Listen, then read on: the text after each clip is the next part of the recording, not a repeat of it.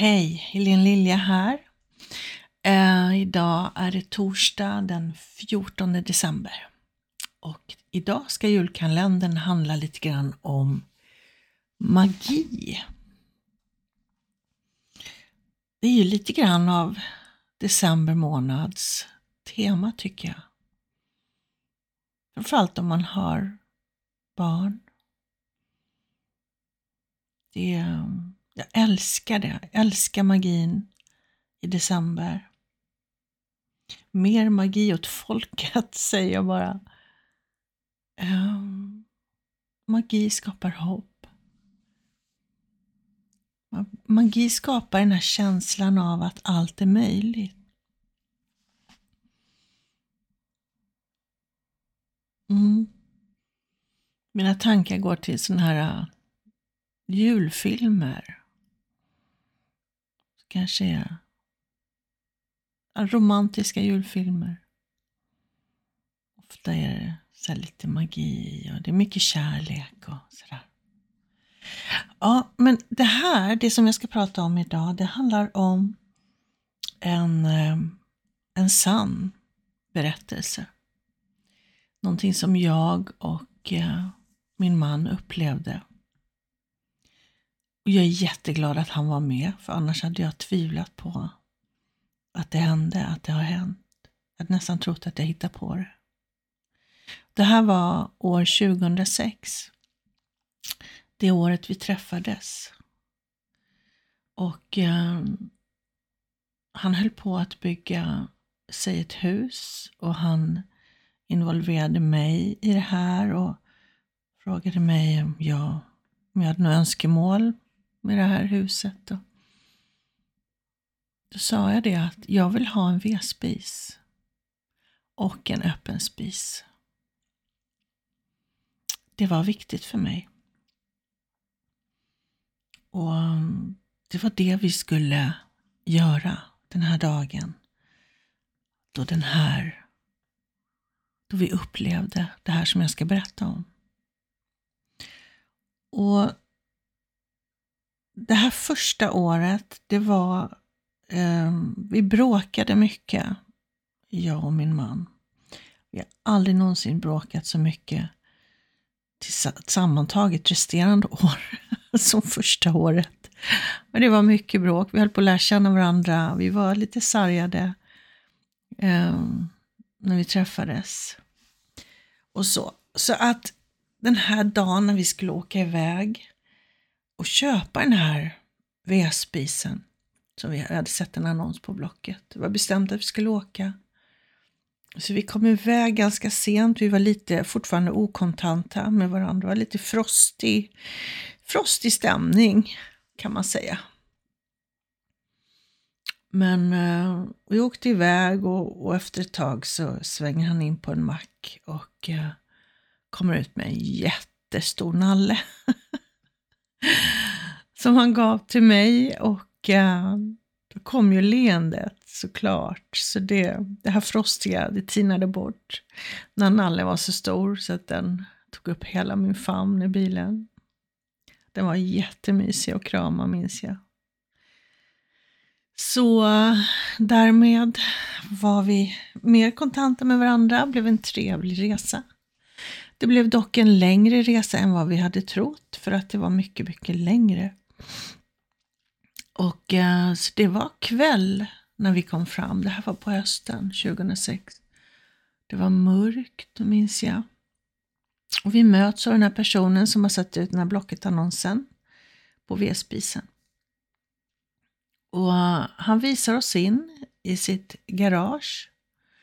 Och där är hyllmeter med vedspisar.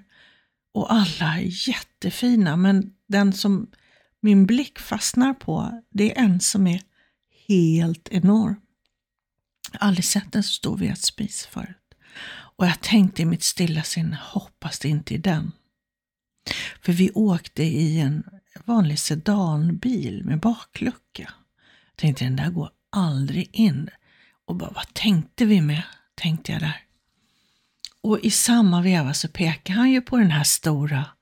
Det här är den som ni har eh, kommit hit för? Och Matte och jag tittade på varandra. Ja, den var jätte, jätte, jättefin. Det var ingen snack om saken.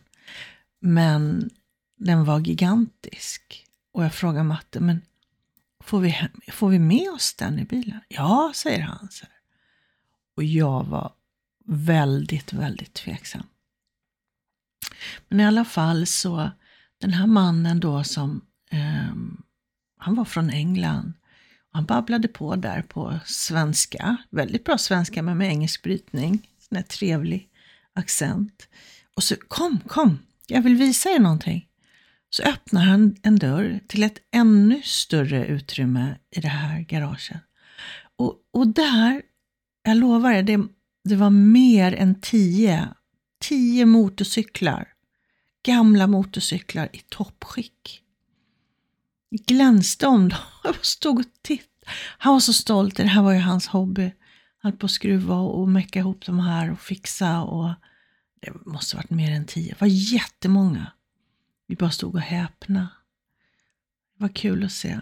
Och sen frågade han om, om, och vi ville ha en kopp kaffe innan vi skulle åka. Och så, ja men absolut. Så men först så måste vi försöka få in den här vedspisen i bilen då. Så de bar ut den och fint och försiktigt får ner den i bakluckan på bilen. Och du vet den här vedspisen den är alltså 40 centimeter hög, 88 bred.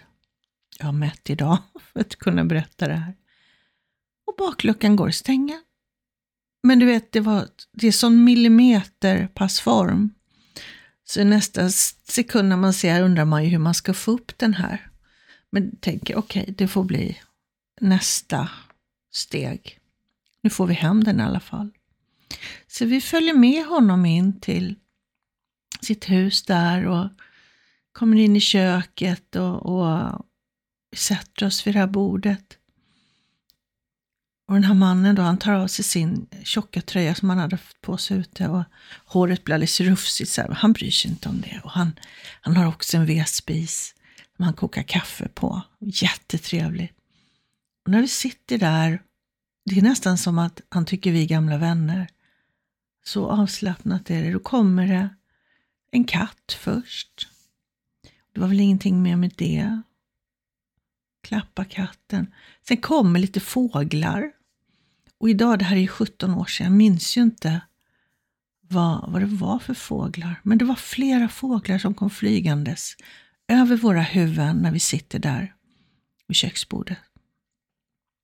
Och när vi har liksom hämtat oss lite grann, man blir lite chockad att de flyger fritt så, men det var väl okej. Okay. Då runt hörnet så, här, så kommer det en get.